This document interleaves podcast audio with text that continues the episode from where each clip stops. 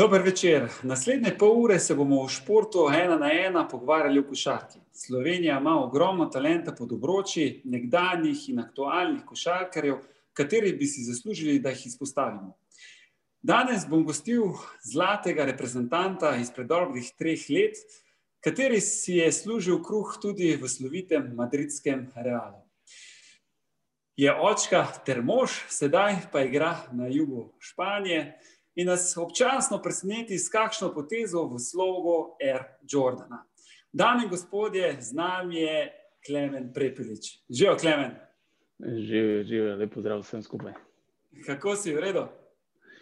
Dobro, dobro, ni, ni se za pritoževati. E, situacija je kakršna je, ampak eh, hvala Bogu, tako, glede na to, da oddaja v košarki, se sezona nadaljuje brez, brez večjih, e, bom rekel, e, predstavljen tekem.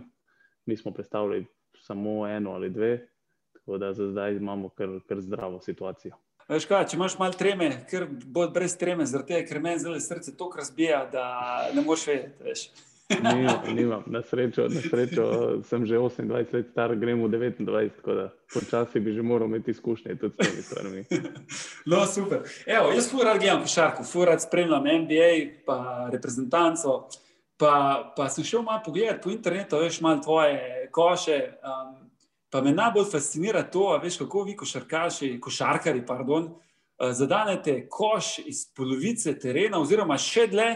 Uh, pa me zdaj zanima, ali vi to trenirate ali, ali to čisti instinkt. Pa iskreno mislim, da noben uh, načrtno ne, ne trenira meta iz sredine, ker enostavno mislim, da bi bil to kar dosti nizek procent meta, ampak uh, lahko povem, da, da tukaj v našem klubu pred vsako tekmo imamo po zaključku jutranjega treninga, imamo uh, malo sproščujoče, vsak da 10 evrov, vržemo iz sredine, kdo zmaga in pobere vas denar.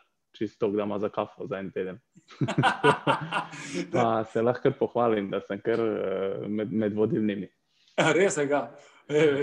Zdaj boš šla na počitnice, ja, zdaj ne moreš iti, ko je ta korona. Ampak bila šla na počitnice, zato že skoraj. Glede na to, da je to tekom, bi, bi si že lahko nabral počasi. Ja.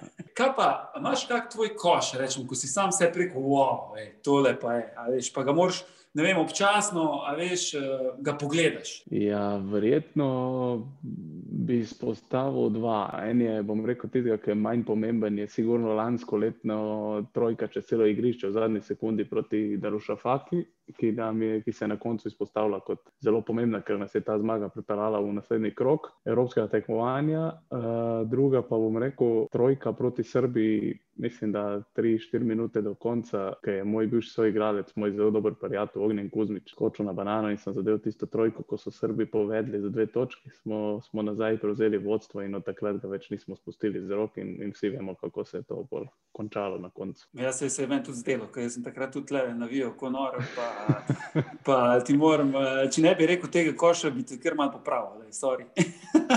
ja, je bil kar, ta je bil kar, mislim, da mogoče celo najpomembnejši koš moje karijere do zdaj. Ja, pa mislim, da tudi kar za celo Slovenijo, no, čisto ti povem. Smo, vsi smo skakali. No. Kaj pa tisto, kar počneš, ko ne treniraš, ko nisi ati, ko nisi partner? Kdo, kdo si, kako bi opisal sam sebe? Ja, lahko rečem, da sem kar tip, bom rekel, košarkaša, ki res spremlja košarko v, definitivno vidim ogromno tekem Eurolige, Eurokupa, naših, seveda Olimpije, uh, mojih prijateljev iz reprezentance. Uh, zelo rad pa pogledam tudi druge športe. Predvsem prejšnji mesec sem spremljal Slovenijo na svetovnem prvenstvu, videl tisto tekmo za Švedi, sem gledal eh, celotno, skoda tiste zgubljene žoge Janca na koncu, ampak se zgodi in pač tudi tisti zadnji remi proti Egip, Egipčanom, uh, sigurno je bilo zelo težko padlo našim reprezentantom. Ogromno spremljam tudi tenis, uh, privrženec Novaka, zelo rad spremljam tudi Federera, ampak jaz stajem proti drugemu, sigurno z Novakom. Kar pač, glede na to, da je ogromno potovanj, pa poskušam čim več pač tudi biti za, za družino in uh, da se slišam tudi z mojimi. Definitivno v tem času je zelo pomembno, da zadržiš kontakte z, z svojo družino in najbližjimi prijatelji. Super, pa narediš tudi kako večerjo prek, eh, prek Zuma ali pa WhatsAppa z familijo. ne, uh, ne glede večerjo, ampak se pa, se pa pogovarjamo pred večerjo, sigurno. Sploh glede na to, da je sin še dosti mali, ni glih miru pri pogovoru. Ja, je skozi uh, žlabodranje zraven. ja, plus tega, da zdaj v štirih jezikih začel govoriti, tako da mešamo vse. Wow, super, štiri jezike. Ja, glede na to, pa če sem slovenc, Uh, moj soigralec je Dublevič, ki je Črnogorc, Vanja Marinkovič, ki je Srb, tako da z njimi se pogovarja srpsko, v šoli pa, pa sicer je v španskem razredu, v španski šoli, ampak ima tudi, mislim, da tretjino pouka v angleščini. Imamo vsak dan neko novo besedo, poskušamo jo razumeti, ker jo pove po svojem, ampak bo počasi. Wow, super. Evo ga, pa začneva kar s prvo rubriko, um, ki smo jo poimenovali generalno v 60 sekundah ti boš, te bom zastavil niz vprašanj, ti boš pa čim prej mogel na njih tudi odgovarjati. Zabijanje ali trojka? Trojka. Kepica sladoleda ali ledena kava? Kepica sladoleda. Barcelona ali Real Madrid? Real Madrid. Poletje ali zima? Poletje. Espresso ali cappuccino? Espresso. Instagram ali Twitter? Instagram. Risanka ali serija? Trenutno risanka. Napad ali obramba? Napad, definitivno. Stanovanje ali hiša? Trenutno stanovanje, v prihodnosti hiša. Ogen ali voda? Uh, ogen. Hitrost ali preudarnost? Preudarnost. Pozabljivost ali zamujanje? Zamujanje. Slovenija ali Španija? Slovenija. Pes ali mačka? Pes. Podaja ali koš? Oh, težko, koš. Evo, koncva. Zadnje najtežje. Zakaj? Ja, ker zelo rad podam, ampak sigurno po drugi strani je pa moja pozicija back shooter, tako da bom, bom raje vzel koš. Pa se je, ni fajn, da koš, cek, ko pade noter. Pa je, ampak starejši, ko si raje imaš podajo. To te pa čisto razumem. Jaz zdaj v bistvu rečem, kako lepo podajo, da ko pa zabijem, kako golno. Verjamem. Dejva se malo staviti uh, pri temu sladoledu dobil sem nekaj informacij od trenerjev, pa svojih igralcev, da si bil zelo podkupljiv, ko si bil mlajši, s kepico sladoleda. Da tudi, ja, tudi bil... vem, kdo ti je to povedal. da si bil šef sladoledarne. da, si, da tudi takrat, ko si, v bistvu, ko si bil še mlajši, no, ko si rajš metu na koš, pa zadevo košane, da tudi za kepico sladoleda si zelo rad podajal. Ja, in tudi se, tudi se lahko navežemo tudi na ta med sredine igrišča. Tudi to ti je mogoče povedal, to anegdoto.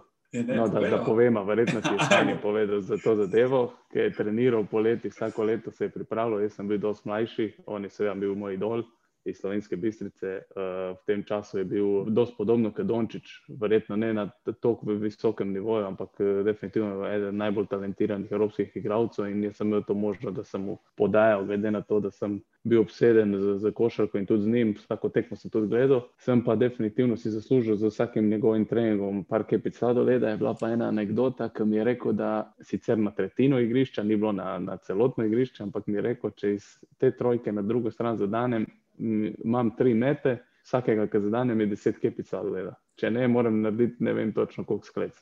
Zadev sem dve od tri in imel sem 20 kepic v dobrem. In vsak dan sem prihajal k njegovemu detku, ki je bil lasnik slašičarne, da don sem pa prišel po dve, pa don sem pa prišel po tri in pa sem že prijatelj na koncu vodu polje, pa rekel, no zdaj bo pa dovolj počasi.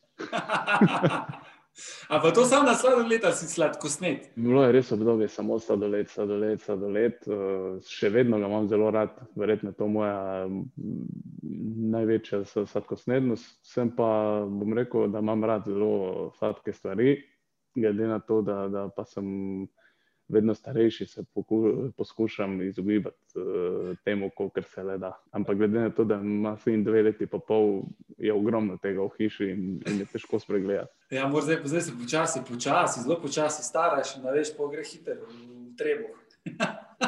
Ja, je treba, lase že izgubljam počasi, koliko se vidi. Zdaj se ti bo, veš, tlek imam muc, se ti počasi pod odbija, veš. Ja, svetlova. Znam si pa tudi potem, da si bil zelo vročekrn košarkar. Pa me zdaj zanima, kdo te je umiral? Žena, sin ali izkušnje? Ja, mislim, da, da je to bila ena največjih mojih slabosti. Zelo, bom rekel, skipljiv košarkar uh, od malih nog, na začetku kariere zelo egoističen. bom rekel, prva oseba, ki me je, uh, ki me je nekako začela spremenjati, sigurno bi zmagal Sagadin. Vsi poznamo njegovo šolo, način, na katerega dela, ker enostavno za, za te skipljivosti in egoizem ni, ni prostora. Potem se je to, ko sem šel prvič v Turčijo, je bilo sigurno vse dosti težje. Tukaj sem prvič padel skipljivost, kreganje na vseh frontah in enostavno sem bil s tem tudi kaznovan, ko, ko so mi prekinili pogodbo. Sicer ni bil to glavni razlog, ampak mogo, verjetno je bil eden od teh. Definitivno pa z, z prihodom zdajšnje žene so se stvari začele umirjati. Drugo leto, ko smo bila skupaj z ženo, je prišel tudi Duško Vojoševič, drugi naš uh, poznani trener, ki ni prostora za to. Dokončno pa bom rekel, da sem se umiril sigurno z, z rojstvom sina in prehodom v Real Madrid, ker pač, ko si naenkrat na tem nivoju delaš vse, da bi pač ostal v, v teh sredinah, prej Real, zdaj Valencija, enostavno to je na, vse na toliko visokem nivoju. Sam veš, bil si eden najboljših rokometašov v Evropi in uh, enostavno ne boš naredil nič takega, kar bi se zamerilo vodstvu kluba, da, da, da bi si oteževal obstanek v, v klubu. Da, mislim, da, da sem se dost umiril. Stvari so sigurno še včasih skipljive, uh, morda celo malo egoistične, ampak je to v takem minimalizmu, da, da se skoraj da ne opazuje. Včasih biti malo egoist na terenu ni nič hudega, tudi kar povem. Da... Sigurno. Jaz mislim, da tudi eh, če ne bi bilo tega mojega karaktera, vprašanje, če bi jaz pregural vse te ovire, ki sem jih imel na moji košarkarski poti, in vprašanje, če bi se vse izteklo, kot ste na koncu. Super se je izteklo, pa še bolj se ti bo. Da... Upajmo. Zdaj, ko je bila ta pandemija, ne, smo vsi športniki imeli dosti več časa, da smo lahko bili doma z družinami, pa mogoče tega glih nismo tako navajeni. Ne. Pa me zdaj zanima, kaj je teže, en zelo naporen trening ali animirati otroka non-stop doma.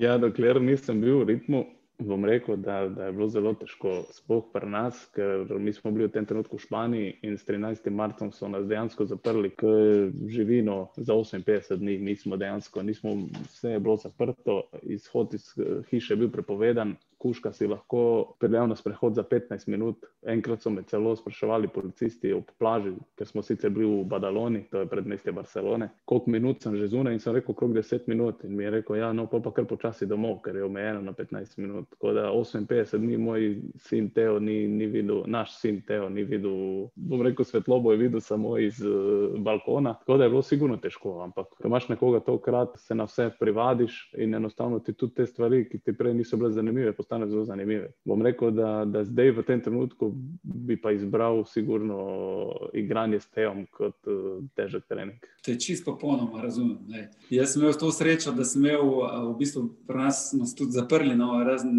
mislim, da sem imel pol ure izhoda, 45 minut izhoda, da si lahko šel po te najnujnejše stvari. Drugače pa smo bili zaprti, jih tako pa vi, ampak jaz sem imel hišo poleg golf igrišča in golf igrišče je bilo zaprto, in smo imeli tlaca, kot rečeš, in smo se igrali, frisbee metali, fusbali, ja, igrali na golf igrišču. Ja, ja. mi smo bili v stanovanju, slovo pa nekaj kvadratov, tako da ja. lahko imamo 10 kvadratov, da je bilo kar dosti težko, ampak si s svojimi domačimi, svojimi osebami, ki jih imaš najraje, sigurno lažje. Imáš psa, ne? pa ti je pandemija definitivno prišla prav. Tako si sam prej rekel, si ga lahko vse 15 minut ali 20 minut ven pelal. No? Če me ne moti, ima ta tvoj koža res neko posebno ime.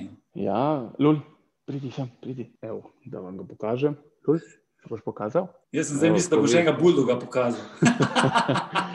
ne, on je dolgo dlaka čivava, ima štiri leta in pol. Za mojo ženo sva ga vzela, ko sem jaz bil v Limožu. Enostavno, Limož je eno mesto. Zelo malo sred Francije, do normalne civilizacije, do normalnega mesta, Bordoja je dve uri v stran, tako da je kar, kar zanimiva zadeva. In je bilo moji ženi dosti dolg čas in si je zaželela enega kuška, tudi jaz sem ga želel, definitivno. In so nas uh, klicali prijatelji, da njihovi prijatelji imajo na voljo majhne čivave, dolgo dlake, če pa nas to zanima. In na koncu smo se itak zalobili v njega.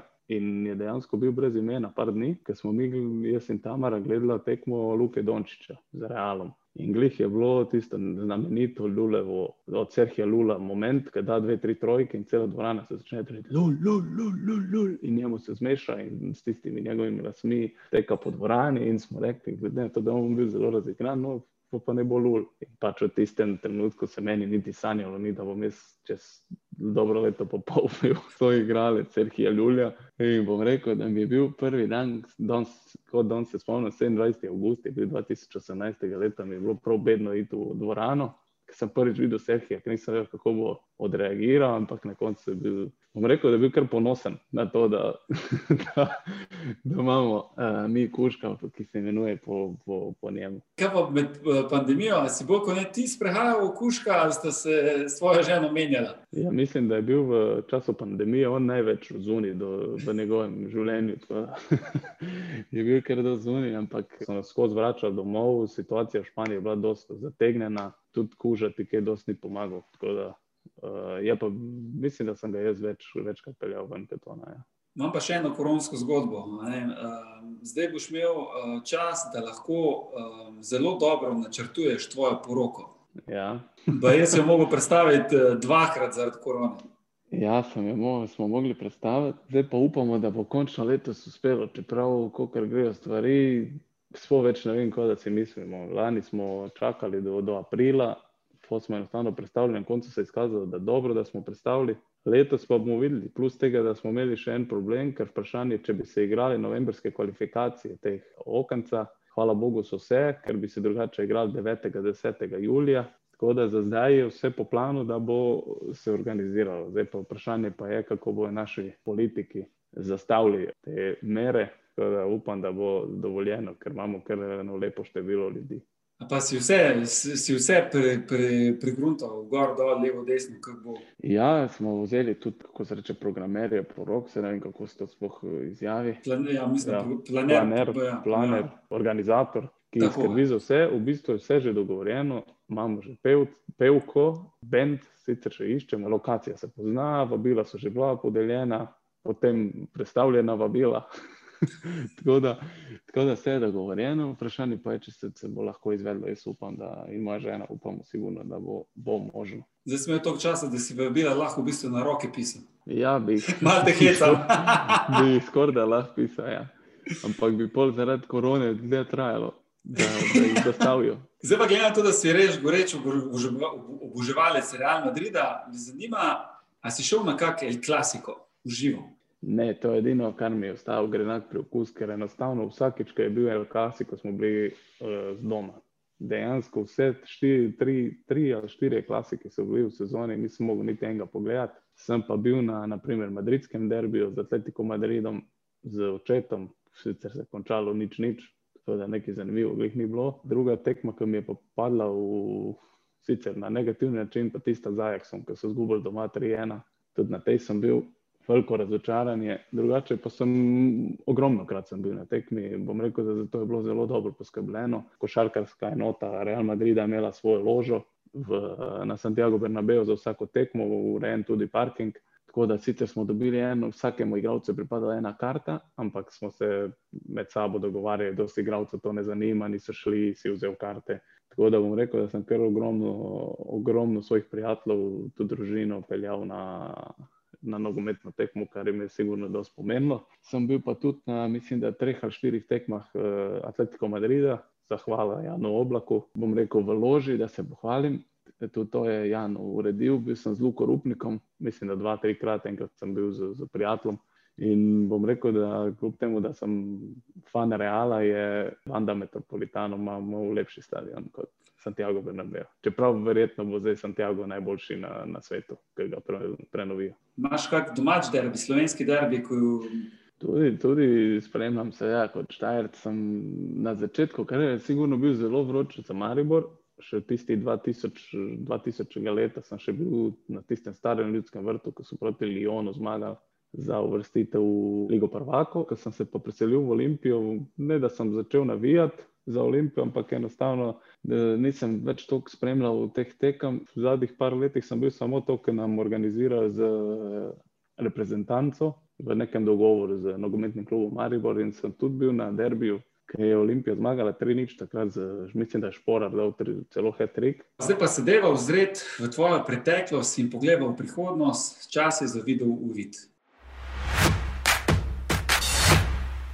Prihajaš iz slovenske bistrice, Pa me zanima, je mogoče Sani Bičirovič bil tvoj idol košarkarsko je bil sigurno Sani številka ena, drugo moj oče, ki je tudi bil košarkar, sicer ne na, na tako visokem nivoju, ampak je bil zagrižen košarkar, treniral res ogromno. In pa v tem, v tem času sigurno Michael Jordan. Oče mi je prepovedoval, seveda, v Draženu Petroviču, tako da tudi uh, vse kasete, vse posnetke sem videl tudi odražene, tako da te tri so bili tisti, ki so vplivali uh, na moje začetke. Zdaj pa v Sloveniji si pustil največji vtis v tom žalah, pa si bil pred skoraj desetimi leti eden najbolj učinkovitih igralcev v ABA ligi. Kako se spomniš, spomniš teh eh, časov v Heliosu? Zelo, zelo težko. To so bili časi, to je bila moja druga sezona, ker sem bil, eden, mislim, da drugi najboljši bek uh, Abba Ligi za Kruno Simono. Sigurno zelo težko, za zmagom smo dejansko, da si delal en šiht, po domače povedano, 8, 9 ur, 10 ur na dan v dvorani,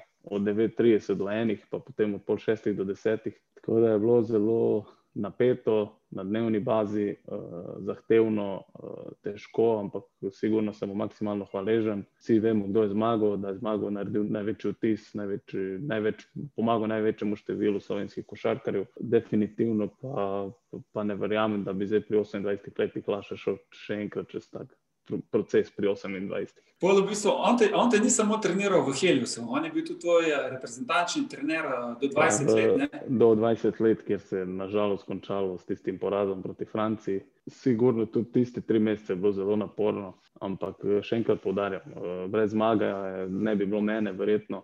Tako da sem mu sigurno hvaležen za vse, kar mi je dal. Dejansko me je on postavil na ta zemljevid profesionalne košarke in tudi Heliosu iz Domžal, za katere definitivno je moj prvi klub v, v Sloveniji, za katerega navijam, košarkarski in bo to tako, tako tudi ostalo. Ne samo, da je pustil pečat v klubih, postavil, dal je pečat tudi pri igralcih, kot si ti. Ja, sigurno. Tudi v tem času smo imeli ogromno talentiranih igralcev. Vsi se, se verjetno spomnite Urbana Gorjanca, ki je imel to nesrečo s srcem, operacija, ki jo je, ki jo je Slovenska košarkarska zveza tudi pomagala omogočiti. Drugi, ki je bil ogromno, zelo talentiran, Matic Rebec, ki danes igra v Franciji, v drugi ligi, tudi zlat reprezentant. Tudi v teh treh mesecih je ogromno pomagal, tudi eh, Alenu Omiču, Janu Španu. Ogromno enemu ogromnemu številu igralcev, ki še danes igrajo, ne rabimo pa sigurno podarjati tisto, kar je naredil predtem. Od Heliosa si zamenil kar nekaj slčilic, en izmed teh je uh, Real Madrid. Uh, trenutno živiš v Valenciji, Pa mi povedati, všeč eh, španski način življenja oziroma košarka? Ja, definitivno. Bom rekel, da ni, ni bil vrhunec karijere, moj, sigurno. Verjetno ena izmed največjih stvari v mojem življenju je bil ta podpis pogodbe z Realom. Sigurno se zgodba tam ni končala, kot sem želel. Definitivno Real je maksimalni nivo uh, profesionalizma, ki ga koščarkar, nogometaš lahko, lahko doživi. Bom pa rekel, da, da, da sem bil dosti bolj srečen, tako družinsko kot košarkarsko v Badaloni lansko leto in trenutno v Valenciji. Mislim, da končno sem najdel eno sredino, ki je zelo resen klub, uh, ki, ki raste iz leta v leto, uh, finančno zelo stabilen, organizacijsko prav tako. Bom rekel, da po, po pogojih se lahko postavi ob rob tudi Realu in Valenciji. Naprimer, mi imamo privatne avione, vse posod, kjer gremo, vsak je sam v, v sobi na gostovanjih. Trenutno vsi vemo s tem COVID eh, zadevo, vsaka dva dni se delajo testi, kar ogromno stane. Klub je tudi trenutno verjetno ima eno boljših ženskih ekip v košarki. Ki se to verjetno tisti, ki niso bili poznavalci košarke, ne vedo. So, mislim, da druge v španski ligi, ki je najmočnejša in v Evropu grejo na na naslov prvaka, da se uvrsti v Euroligo. Tako da je klub res maksimalno zagrižen. Vsi vemo, da moramo biti v najboljših osem ekip, da zadržimo Euroligo na naslednjo sezono. Glede na to, da nismo eden izmed teh enajstih klubov, ki imajo A licenco, gradi se nova dvorana, ki bo verjetno največja v, v Evropi za eh, Beograjsko areno. Mislim, da bo sprejela 17.800 gledalcev, wow. ki jo financira sam lastnik kluba. Tako da je res klub je res na maksimalnem nivoju in hvaležen sem za to sigurno priložnost in naredil bom vse, da, tu, da tako tudi ostane. Mislim, da vsi vemo, kakšen je življenje v Valenciji. Trenutno imamo, pa je slabo vreme, mislim, da 20 stopinj po, po dnevi.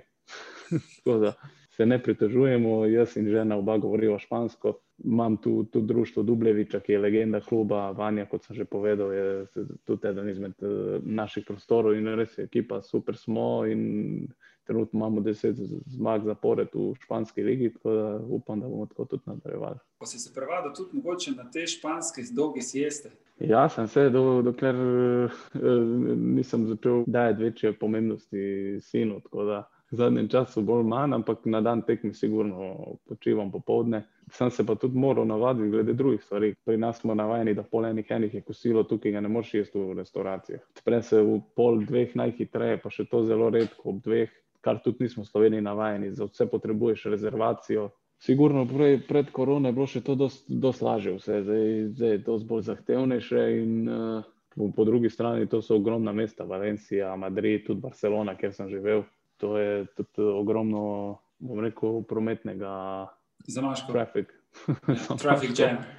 Traffic jam. Uh, zato je Valencija tudi super. Ne? Z Valencije ni tega, mi imamo tudi stanovanje v samem centru, ne centru mesta, ampak kjer je največ stvari. Res pet minut imam z avtom do dvorane, pet minut peš do vrca, letališče na 15 minut, uh, odhod na, na naše tekme izpred nosa, ker je tukaj iz tega hotela, ki, je, ki jaz gledam iz mojega balkona na ta hotel. Plaža je na 8 minut, tako da res tukaj nam je super in upamo, da bomo tudi tu, tu ostali malo dlje, kot samo eno leto. Zdaj pa je čas za vidove mite in legende, kjer bo potrdila in ovrgla prepričanja o košarki. Rečva, če si talentiran otrok, ti bo zagotovo uspelo. Je talent res dovolj, ali je potrebno res trdo delo, narediti res trde treninge eh, in vse, kar spada zraven, da ti uspe? Talent je definitivno ogromno, ampak sam s talentom se sigurno da uspeti. Prvo kot prvo je sigurno povezano s trdim delom, da, da si predan temu kar, in da veš točno, kar želiš, drug, drug, drugo pa definitivno sreča, poškodbe, da imaš nekoga, ki ti bo dal ta veter v, hrbet, da te bo spodbujal. Potem pri razno raznih športih vedno potrebuješ trenerja, ki ti bo dal možnost, posebej v teh ekipnih športih, lahko govorimo in pa na koncu, ker že prideš do neke možnosti, do profesionalnega nivoja, sigurno te, nažalost, menedžerske igrice, ki pa so vedno prisotne. Ali drži, da ni košarkarja na svetu, za katerega ne bi vedel, kakšno pogodbo je podpisal? Ja, verjetno obstaja kakšen, ampak ne da bi vedel točno, ampak enostavno sem tako dolgo že v tem uh, poslu in, in te stvari so me definitivno dosti bolj zanimale. Prej še vedno me, ne bom skrival, ampak uh, vemo pač približno, o katerih, katerih sotah lahko govorimo. Ok, pa deva tole probat. Ajde, Lebron James. Lebron James mislim, da ima 37 milijonov na sezono. Porzingis. Uh, on je na 28. Jimmy Butler. Uh, to, to ne imam ideje, ampak jaz definitivno nekje pri, pri 25, 26. Marcelito Huertas. Trenutno? Ja. O, pa 300. Kaj pa tole? Ta, tole ime mi je zelo, zelo, zelo všeč. Jan Travniček. Jan Travniček. Ja. Sploh ne bi vedel, kdo je. Iskreno. Ne, malo sem te mogel sprobati, veš, da vem, eh, če poznaš res vse. Ne. Moram ti priznati, da, ja. da si bil kar dober. No? Zelo dober si. Bom poiskal potem na, na internetu. Za NBA vem, da je vse dosegljivo. Večino. Ja, Zdaj bi res vse, ker tle včasih se tudi v klubu uh, pogovarjamo, ko imam dosta uh, mojih uh, frendov, ki igramo skupaj, mi vsi govorijo. O, si videl, koliko on zasluži, veš, koliko on zasluži. Potem se pa ne vem, mislim, ne za kep se slabo, da stavimo, pa greš za eno kosilo, ne? a veš, pa, pa ja. vsi ugotavljamo, pa, pa kdo je bliže. ja, je, pa googlamo. Sploh to z NBA, on gre v, v druge, druge smeri. Hvala Bogu, da je. Vse, vse se imajo res še v biznisu, zelo rad gledam ta NBA, pa res dobro naredijo. No. Ja, jaz bolj malo spremljam, glede na to, da je to tekam, ampak ker je Luka, si rad pogledam. Ja, če ne drugo, vsaj highlights po, po tekmi zjutraj. Ja, zdaj pa moja na vrsti rubrika, ki je meni najbolj pri srcu. S pomočjo namigov in posnetkov boš mogel ugotoviti, za katero osebo iz tvojega življenja gre. Čas je za nevidnega oboževalca. Prvi namik našega skrivnega gosta je Bana oziroma Kat. Ne Ne veš. ideje. Ne. Nimaš ideje. Ti, no, potem, evo, ti bom zavrt, zavrtel prvo anegdoto. Zanimivo je bilo, ko je stric omenil Klemnu, da zaradi treningu seveda bi rad bil Klemen kot Michael Jordan. Nekega večera pride mama iz službe domov, Klemen se seveda joče na zelo na glas, ono, da ga je slišala pred blok, pride gor, vidi, da se z očetom umivata. Kaj pa je narobe zdaj, zakaj se Klemen tako joče na glas? Uh, ja, mami, mami, ne bom tako črn kot je Jordan. Ja, in to je bila prava katastrofa za Klemna. Ja, res je. Zakaj je bila katastrofa, da si se umival? Moj stric je bil judoist in, in je tudi dosti spremljal košarko. Uh, in mi je enkrat povedal, da, da enostavno, če bi jaz rad bil tako črn kot Jordan, da se ne neham umivati. In zdaj pri nas doma smo se, dobro, mi smo se tuširali vsak dan. V bistvu mi je rekel, naj se neham kopati. Ker mi smo se pač kopali vsako nedeljo. Tuširali smo se vsak dan, normalno, ampak tisto dolgo kopanje je bilo ob nedeljah. In enostavno, mama je bila, mislim, da na obisku nekje, in takrat smo še bili pri, v stanovanju pri moji babici, smo živeli, takrat je imela ogromno stanovanje, dokaj mi so moja starša kupila svojega stanovanja. In je mama bila spodaj, mislim, da smo mi živeli v tretjem nadstropju, ona je prihajala domov in glih je mene ati kopal. In jaz sem se drl normalno v banji. Ne, noče se umivati, ne bom črn kot Jordan. Stric mi je rekel, ej, pol je bilo. In mama je tako prelaufala gor, se začelo, kaj se dogaja, in na koncu je povedal. In na koncu je nastala ta zelo zanimiva anekdota. Ki Po mojem, še ni bila v medijih, tako da smo mi zdaj prvič uh, povedali. Da je bila ta anekdota v medijih, ko je tvoj brat Matic povedal tole. Da si imel tudi zelo različne odzive, po, po katerih so vsi vedeli, ali si zmagal ali pa izgubil tekmo. Ja, ja. Ha? A zašpilam to, bilo. da vidimo, kaj je rekel. Lahko. Na zadnji tretjini smo mi dva v bistvu igrala do 200 na dva koša. Uh, rezultat, rezultat je bil ponovadi na koncu zelo gost, uh, se pravi 195, 195, nekaj tajega podobnega. In na koncu Klemen, seveda, ni od začetka poznal pos- poraza, uh, zato smo imeli rešitve, ne, razno razne, recimo tehnična napaka, dva prosta meta, žoga strani, nešportna osebna napaka, žoga strani. Ko smo pa proti koncu bila, se pravi 200, 201, 202, ko je nekateri od dosegel, pa smo imela še načeloma 10 sekund, da smo zaključila, oziroma podaljški te stvari. Če je on zmagal, so seveda vsi takoj vedeli, ne, ker, je, ker je povedal vsem, če je pa zgubil, pa so spet vsi vedeli, ker se je jokal. Ja, tudi to je res. Tudi to je res. Uh, enostavno nisem znal poznati, nisem poznal poraza. Uh, ker sem pa zmagal, sem se rad pohvalil, ker je na koncu konca bil brat starejši dve leti, fizično močnejši. Tako da ja, je pa vse res zelo zanimivo. Uh, oče je imel trening v bistvu v Bitriški dvorani čez celo, mi da smo na zadnji tretjini igrali do 200. Dejansko, kdo je igral košarko, si lahko predstavlja ena na ena do 200. to je trajalo, ne vem, uro, dve, še sam ne vem. Vse, imeli smo komentatorja, vsak je komentiral, ki je dal ne vem kdo. Jaz sem dal trojko, je bil Ray Allen, ki sem dal koš, je bil Kobe Bryant. Res, bilo, je, bilo je vrhunsko. Res. Ja, ni pa povedal tudi, da ker sem jaz zgubil, da, da smo ponovadi šla skregana domov, ker smo živeli v bloku 500 metrov stran, smo mogla hoditi po 20-metrski razmik, sem pa jaz zmagal, smo pa lahko šla skupaj. ja, pa, pa on, on se pa ni oko. Ne, ne, ne, on je bil, eh, bom rekel, tisti bolj ponosen starejši brat. Ni, ni hotel. Je pa definitivno, če sem ga kdaj premagal, naslednjič nisem imel šanse, da ga zmagam, ker sem bil več Ja, na te- tleh, eh, na tleh eh, v zraku. Ali te je provociral vmes? Psihološki Ja, ja, bombice? zato smo tudi dodali te tehnične napake, pa ne športne osebne, tudi izključujoče so bile, da je po dve minuti mogel biti zunaj. Pa, da, bilo je zelo zanimivo. Kaj, je bil je minuti- končalo, se je pa kdaj, pa kdaj tudi predčasno končalo, ker je oče znorel, ker ni mogel več trenirati z ekipo in je rekel, oba domov. Res. Eh, Tudi tako se, tudi tako se je končalo. Ja. Kaj to pomeni, da je šel po dve minuti ven, da si lahko takrat koš del? Jaz sem dal koše ali pa on, kdo je bil izključen in si naredil prednost.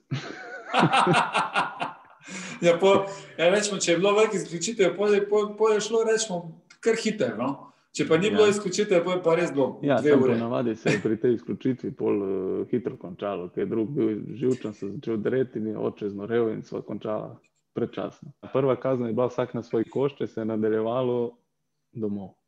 Ja, le, fajn ste se imeli, ni druge. Ampak, a po, a po ste se kaj tepli, po, po košarki ali ne? Ja, ja, tudi to, to ogromno je bilo tega. Bile so anekdote, ki so skupaj policijo klicala pa so prišli na dom za intervencijo. Pa, čaki, to, to imam tudi na slednjem posnetku. Čakaj, čakaj, čakaj. Da, da, da, da, da, da zašpilam, pa boš pol ti komentiral, kaj je bilo. Klemen je imel v, v vrtu takrat še uh, predstavitev uh, in sicer policija. Policijski helikopter, levo, desno, te stvari. Tam je dal idejo, pokličemo policijo, 113, um, jo, seveda, takoj za to. Klemen je sufliral, jaz pa govoril ne, v telefon.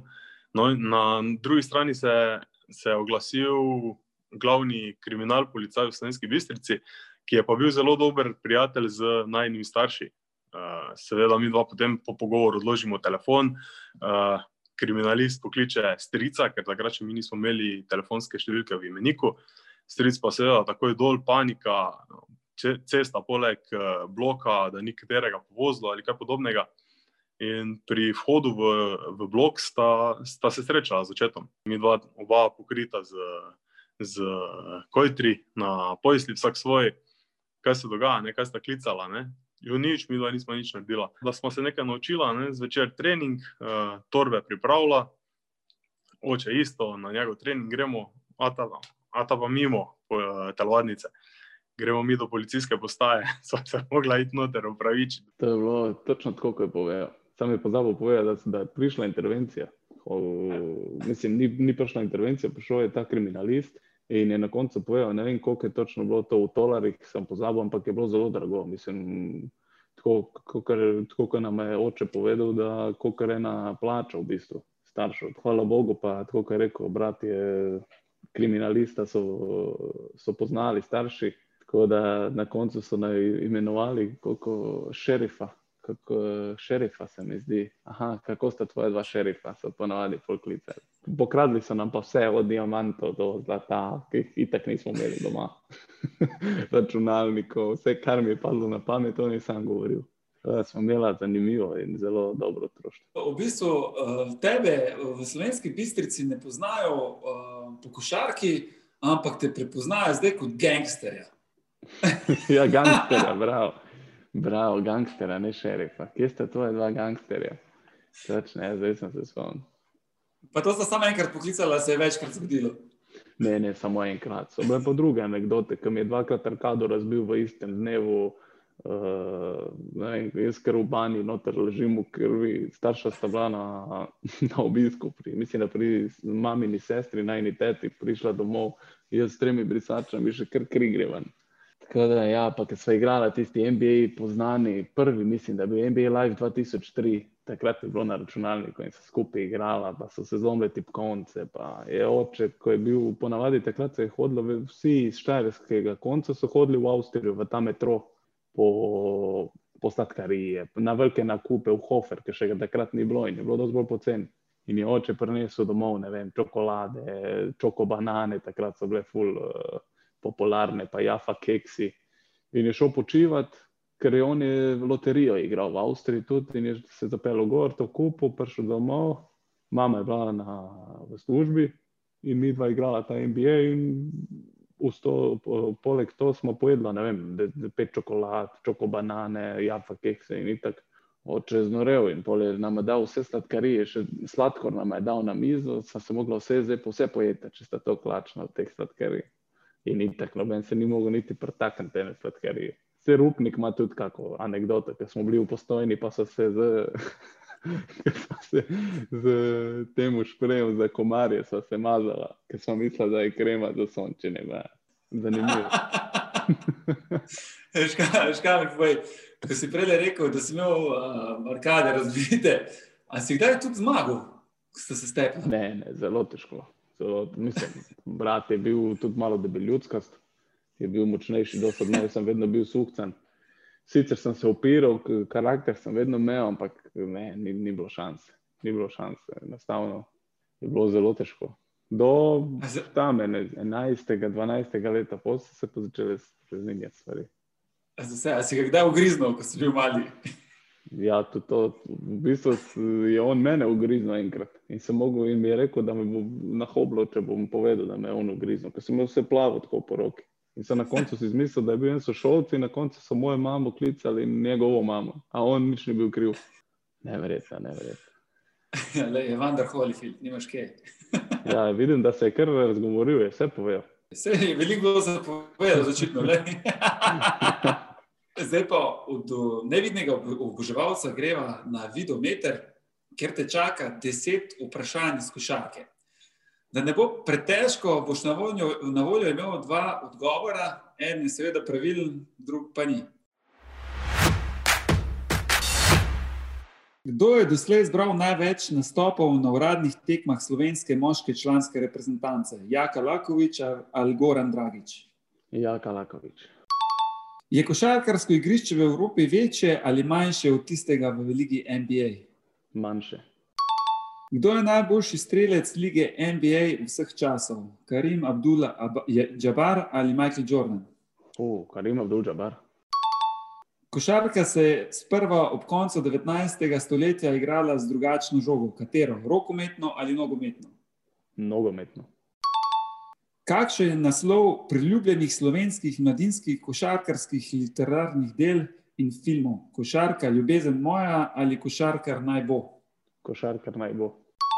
Koliko slovencev je v zgodovini zaigralo v Ligi NBA? Več kot deset ali manj kot deset? Huh, mislim, da je več kot deset, ker je bil Čančar bil enajsti, se mi zdi. Je Valencija v zgodovini že osvojila naslov španskega državnega prvaka? Da ali Je ne? leta 2017, Dubljevič MVP. Je košarkarska žoga lažja ali težja od 700 gramov? Lažje, lažje. Kdo je višji, ti ali jaz? Ah, jaz. Ja, to ne bo jasno, dokler se mi dva ne srečava. Košarkarski copati so bolj, uh, imajo debelejši podplat. ja, da, da bomo pa komentirali na koncu. Kdo je večkrat osvojil špansko košarkarsko prvenstvo? Real Madrid ali Barcelona? Real. Evo ga, kam misliš, koliko odgovor si imel prav? Po, po moje, krve, koliko jih je bilo deset? Ja, Pa po moje ene sedem, sigurno. ne, jaz mislim, da si jih imel kar devet prav. Devet. Ja. Ja. ja, nisem bil za Karima, nisem bil siguren, pa za to grame, pa Mhm. mhm. za uh, to, s katero žogo se je igralo, rokometno, pa nogometno. ja, to si vse imel prav. Zmotil si se sam, nisi mogel, nisi mogel objektivno pogledati na stvar, vse te razumem. Ja. Ni bil Real Madrid, ampak je Barcelona. Ampak Pa vedno Real- rekel, Real. Ja. Real Madrid je osvojil 13krat, Barcelona pa 15krat. Zdaj pa za um, kdo je višji, ti ali jaz. Lej, uh, malo sem gledal po internetu, ne, um, oba smo nekje vedno ocenjena med 189 in 192 cm. Zdaj Ja, pa dobro. odvisno, do kakšne pogodbe pride. Čakaj, po, bomo šla na 95. Na Ja, 95. bi, bi kar pomagalo, po mojem. Zdaj ne, Ne. ne več, zdaj ne več. Ene pet let nazaj pa mogoče.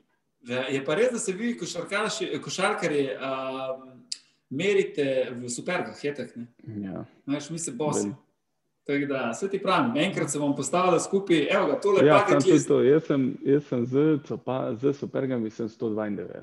192, no, to si nekje 190, 20 cm. 190, 190, pa pol. Tako, ja. Ja, no, tuk, tukaj nekje smo, le, se bomo enkrat skupaj postavila, Samo pa- še imam lase. ja, da je čakaj, da priješ v moje leto, boš videl. Koliko to, ko zgleda. Ja, ja, je pa res, da sem pri 28 imel uh, manj kot ti, oziroma 29. Ja? Pol 28, imam- 29. Ne, 28, sem. zdaj sem komaj zapolnil 28, oktober 20. Oh, sorry, sem te. Veš, to Ja. lasi, del- zdaj si lasi pokazal, lasi delajo svoje, le, sorry. Ja, Malo te hecam. Pa tlele, um, ja, tle si pa dober, pikolina, um, Jabbar, ja, je bil, ja. Je, je, ima največ. ja, tukaj 38, sem tri- tudi bi mogel, to sem malo povedal, če bi objektivno gledal, bi rekel Jordan. Subjektivno bi rekel Jordan. Je bil Karim kar dominanten. Ja, ja, Michael Jordan je je Pa tudi Michael peti. je igral, ja, ker je igral bejzbol vmes, pa prej je končal. Ja, malo se- tekem je igral. Tako malo se je imel fajn vmes, pa golf je igral, ne, pa ne vem, kaj vse je. Ja, ja, ja, ja. Ja, Pa, pa vedno prišel, že pri 40 malo na koš, vrš za vizerce. Pa je še vedno bil med boljšimi. Ja, jaz sem se takrat zbujal, lej, če popristi, vem, jaz sem se takrat zbujal, En- ko je prišel nazaj. Ko so bili v Chicagu s Steve Kerrom, Jordanom, Pippenom, Rodmanom, sem vs- vsakič, ko je bilo možno po televiziji, sem se zbudil, pa sem gledal. Obsedeno, sem imel, še zdaj imamo plakat. Glej zadnjič mi ga je brat, imela smo v sobi v bloku dvometrski plakat od Jordana, dejansko, kako je bil velik. In mi ga je zadnjič glih pokazal, najdli so ga v, v garaži nekje. Sicer je že cel raztrgan, pa, ampak je še del plakata. Še. A si ga ti raztrgal, ko je nehal kariero, pa si ga malo razcufal? a? Ne, po moje ne, to so miške pojedle, po moje. Veš kaj mi pove, a si pa kdaj igral ti uh, rokomet? Si prvo probo igrati rokomet? Sem probil v šoli, sem tudi bil na enem turnirju te šolske tekmovanja. Vseeno, to je pregrobo, to ni za me. Jaz sem bolj šuter, jaz, iz, eh, kako se reče, jaz pobegnem od kontakta. vi pa greste v kontakt, da vi ste bolj čnejši fizično. No, z vsakim gostom ko imam, imam tak en bucket list. a veš. In z vsakim se nekaj zmenim, kaj bomo delali, uh, ko se vidimo. a ne. In se deva zmenim, da boš ti, rečemo, brez kontakta, ne, skok šut iz 9 metrov, jaz pa golman. Ja. Po pa, uh, jaz pa bomo šla pa na koš, ne, pa bomo šla metat uh, trojke, pa da vidimo, kdo jih več zadane. 10 metrov, pa 10 trojke, vse boš trojke bo zmagal. dobro, ja. Dobro, zelo Ja, ampak kako bom probo zadeti, imam prej potreniral, zdaj tle v Franciji nikoli. Sam zdaj košal. 9 metrov je ni pošteno, ker je trojka 6,5 na 70. Ok, bomo dala pa malo več kot 7. Jaz, Bomo, jaz malo manj kot 6,75. Ne, 7, 7 metrov. ej. 7, bravo, 7 metrov. Evo, 7 metrov, ka. sam, sam paziti moraš, kam mečeš. Težko je vam dati gol. Sem že probal. A si že? Ja, v Limožu, ki sem igral, je bila sicer drugoligaška ekipa, pa smo imeli tudi naše, Petričevič, Mandič, eh, Čutura, Davor. Je igral tam in sem bil na enem treningu, pa nisem bil kaj preveč uspešen. pa nisem se pa na gol postavil, sigurno ne, ne, ne bi šel. Evo ga, lej, se po mojem, kak penal bo že zadeval, jaz pa mogoče kako trojko znam tudi zadeti. No. A veš, To da, lej, to bo dobro, dobro. Pa evo ga, tisko, tisko uh, zmaga, dobi kepico, ne, tri kepice. Ne. reda. Ja, pa prvo večerja, pa pa tepice za. Ajde, ajde zmenjeno, večerja, večerja pa, pa nekaj fajnega spiti, po pa, po pa Na kepice. horsa, na horsa v No, v to dobro večerja. To gremo, veš kaj gremo? Prvo gremo, to gremo prej, da boš ti čim slabši pri 7 metrovkah. Pogremo pa, pogremo pa eno večerjo. Ne, na večerjo pa na sladoled. Mož. Možno gre. Evo ga, zdaj pa, da se ti malo spočiješ, ne, pri, prihajava do rubrike, kjer boš ti meni postavil vprašanje, oziroma odprl katero koli temo, kar te zanima o meni, ali pa kar bi rad slišal od mene. Tako da na vrsti je rubrika Previdno z mano. Kaj te zanima? Uh, zakaj si tako dolgo ostal v Franciji? Zakaj sem tukaj? Ja, le, tako si prej govoril, Limoš je nekje, kjer pač rabiš 4 ure ali pa 2 ure, da prideš z nekega večjega mesta. Montpellier je mesto v morju, zelo lepo mesto, 8 minut do plaže, uh, peščene plaže, uh, dobre restauracije, veliko stvari se lahko uh, počne v, v Montpellieru, uh, sonce, najbolj pomembno dober klub. Uh, ko smo prišli takrat z Nikolom Karbatičem, so pač rekrutirali, da pridemo na Final Four, oziroma da bi usvojili Ligo prvakov. Um, tako da sem pol, uh, Niko je šel po nekem sajtu, jaz sem pa še kar ustrajal, pa smo pol uh, 2018 res usvojili to Ligo prvakov. Da mislim, da je to vse skupaj. Uh, Sonce, plaže, dobra hrana, fajn mesto, dobri rezultati, vse skupaj nekako potegnilo to, da sem deset let ostal v Franciji, potem pa zdaj sem še dve leti potegnil enkrat eno v Aix-en-Provence, pa zdaj tukaj čez raven na Paljevo nimo. Tako da -huh. to Največji uspeh karijere, reprezentančne ja, in klubske. Klubske, reprezentančne. da verjetno šampioni lige prvakov. Tako je. Mislim, imam uh, ja, obe medalji z reprezentanco, sta, nimam zlate, ampak uh, tako ti. ampak imam pa eno srebrno, pa eno brolasto, ki za mene je tako zlatamo. Uh, dost je, dost, uh, dost je bilo razočaranja na večjih prvenstvih in uh, Rečemo, da sem hitro začel, leta 2004, hitro prva medalja, prvo veliko prvenstvo, potem smo mogli, mislim, da 13, 13 let čakati na drugo medaljo. Tako da te dve, definitivno v klubu, pa definitivno dve lige prvakov. Pa ta z Montpellierjem, mogoče, mogoče ne bi rekel bolj, ampak je bila tako neprevidljiva, ker ekipe enostavno nismo imeli niti zgrajene, da bi, da bi usvojili to, pa se je nekako vse poklopilo na tem Final Fouru. Ko smo prišli, smo res odigrali nek, mislim, da smo vsi bili v življenjski formi, no, ta dva dni in, mm. in nam je uspelo. Vse drugače bi te po družini spraševal, pa glede na to, da je šport ena na ena. Si zadovoljen s kariero in za kateri klub si, si želel igrati, ali pa bi si želel zaigrati v karieri? Ja, meni je se hitro razvijalo. Jaz sem uh, takrat uh, imel ponudbe iz Kila, Barcelone, Vesprem, takratni. Tako da, ko sem se odločil za. Za nemški klub Kiel eh, in sem se super odločil. Um, res, uh, rečemo, tako si sam govoril za Real Madrid. Uh, V košarki, kjer je vse zorganizirano, je tudi, mm. uh, tudi v Kilu bilo vse zorganizirano, res uh, za nič nisi rabo skrbeti, razen za to, da, da se koncentriraš na, na treninge in tekme. Imeli smo podobne drese, bele drese, ne, so, ne je bil je, je Kilo prepoznavni znak. In, mm. uh, uh, vedno 10.250, uh, polna kapaciteta, vedno, vedno je bila polna dvorana, ne glede na to, katera je ja, ja, lokalna, karkoli. Ja, ne, čist, čisti, evo ga, rokometni NBA. Zelo sem zadovoljen s svojo kariero, ne obžalujem česar. Rečemo, svoje sanje uh, dosegel uh, kar hitro, rečemo, da sem šel v en tak velik klub kot Tehavikil. Vedno sem si želel igrati v Španiji, pa je potem prišla tista kriza 2012-2013, pa so španski klubi a, pač niso imeli toliko denarja, oziroma so bolj kot ne propadali, pa se zdaj počasi postavljajo nazaj. Upam, da ga jih korona ne bo po, po, še enkrat povozila in da se bo španski rokomet tudi enkrat dvignil. Ampak nažalost ne bom zagral v Španiji. Katera liga je uh, močnejša? Je ta to leto, ko si bil ti, koliko je svem, takrat so bili Lemgo, Flensburg, HSV, Hamburg, Kiel je bilo to najmočnejše državno prvenstvo, ki si igral. Ja, definitivno takrat je bilo res. Ne, imeli smo pet, šest ekip, res zaprto. Ja, res top, top, top ekipe. Gumersbach, Flensburg, Gumersbach. res sedem, osem ekip, rečemo, da je bilo res močnih ekip.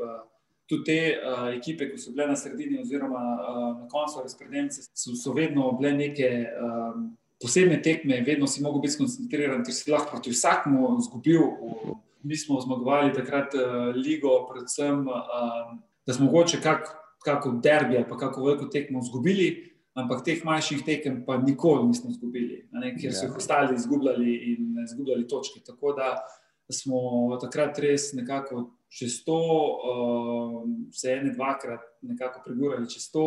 Uh, Drugi smo pa res imeli tudi top ekipo in, in, in smo res uh, zelo dobro igrali. No res je bilo, res je bilo užitek. No. Koliko lovorik imaš v, v življenju, v karieri? Pokalnih, državnih, evropskih? Zato pa ne vem. Vem, da sem jih, eh, mislim, da 14 ali 16 imel samo z Montpellierjem. Pokalnih, državnih, eh, super pokali, eh, Liga prvakov. Nemčija, štiri doma, štiri, štiri Bundeslige, tri, tri pokali, dva super pokala, ena liga prvakov. Pa to je to. Pa, pa seveda dve medalji za slovensko, o, ja, pa, pa z Gorenjem, kot sem to pozabil. Prvi, prvi usvojen pokal uh, Gorenja, prva Lovorika, Gorenja Velera, mojega matičnega kluba, eh, smo usvojili prvi pokal, takrat, ko sta bila celja, pa Krule 67, zelo, zelo močno. Mi smo bili taka underdog team. Pa še ena najboljši rokometaš, ki si kdajkoli igral z njim, Karabatič. Ja, Niko, Niko, Niko definitivno uh, je eden izmed njih, uh, Stefan Lovgren. Je bil takrat, ko sem bil mulj, 21, 22, 23, imel že 37, 38 let. In vem, da smo se vedno delali malo mlajši, malo norca iz njega, res top igralec. Smo se vedno delali norca iz njega zakaj je tako star. zdaj, pa, zdaj sem pa v istih letih, pa se mi zdi malo, uh, če se en del norca zmede, samo no, lega, mali, se boš prišel ti v moje leta, pa boš videl. Super, hvala. Klemen, hvala, da si se družil z nami, da si delil uh, nekaj koša, tvojega košarkarskega uh, življenja, uh, marsikaj novega, predvsem anekdote z nami, uh, kar še noben ni zvedel. Želim ti, želim ti res lepo, čudovito leto tebi in tvojim najbližjim. Želim, uh, da boste ostali zdravi, da boš zabil, oziroma zadev čim več košov, podal čim več žog in igral proti zelo dobrim nasprotnikom. Predvsem pa ti želim, da uživaš v košarki in igri. Pa leto 2021 naj bo to leto, ker se bo ta stvojo tam tudi poročila. hvala, hvala. Hvala za vse želje, čas mi je bilo s tabo govoriti. Enostavno, zelo sem bil počaščen s tem povabilom in, in hvala še enkrat. Enostavno, kaj druga, da ti poželim, ko je enako. Upam, da se ne boš šel še enkrat poročiti jaz pa upam, da, da, da bo le uspelo na koncu.